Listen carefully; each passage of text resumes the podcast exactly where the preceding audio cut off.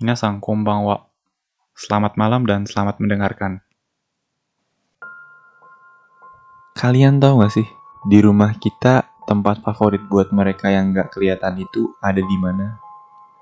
Pernah mikir nggak kira-kira di mana kalau mereka milih tempat untuk dijadiin tempat favorit mereka di dalam rumah? Jawabannya televisi ya. Televisi yang ada di ruang keluarga itu. Alasannya gampang aja. Mereka mencari tempat yang menjadi pusat perhatian. Tempat di mana pada suatu waktu semua mata tertuju ke tempat itu, yaitu di ruang keluarga, dan lebih tepatnya di sekitaran televisi kita itu. Ya, walaupun untuk beberapa rumah ada tempat yang jauh lebih menarik gitu ya buat mereka-mereka itu.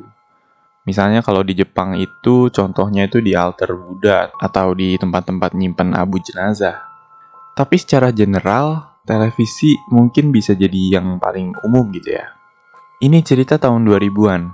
Waktu itu televisi rumah masih modelan tabung yang apa ya, yang kasarannya itu maling aja males bawa kabur televisi itu berat gitu ya dan waktu itu belum jernih juga gambarnya cerita ini dia latar tempatnya di sebuah apartemen di sebuah kamar apartemen jadi ada seorang gadis muda kira-kira 20-25an yang tinggal sendirian di apartemen itu kalau setiap datang hari Rabu, dia bakalan nunggu sampai jam 11 malam untuk nonton acara kesukaannya dia. Acara yang kalau dalam bahasa Jepang itu namanya Shinrei Ezo atau semacam acara yang memperlihatkan rekaman kamera amatur yang di dalamnya tertangkap sosok yang tidak seharusnya ada di situ.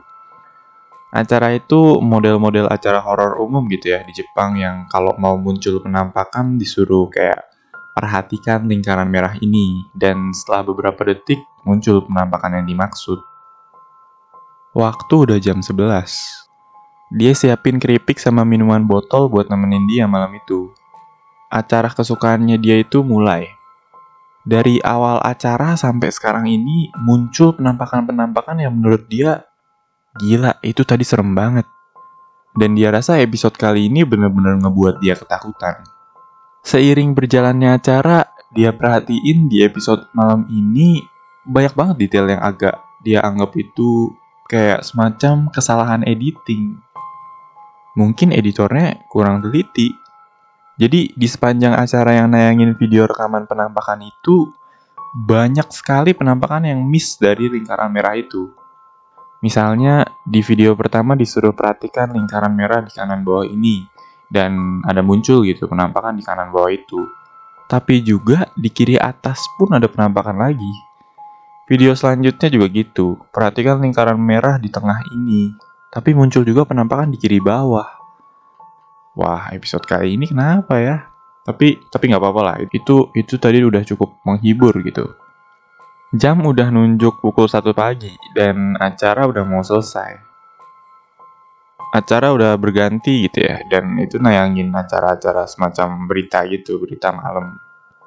Sebelum dia tidur, sekali lagi dia lihat tuh ke acara televisi itu acara televisi yang nayangin berita-berita malam itu.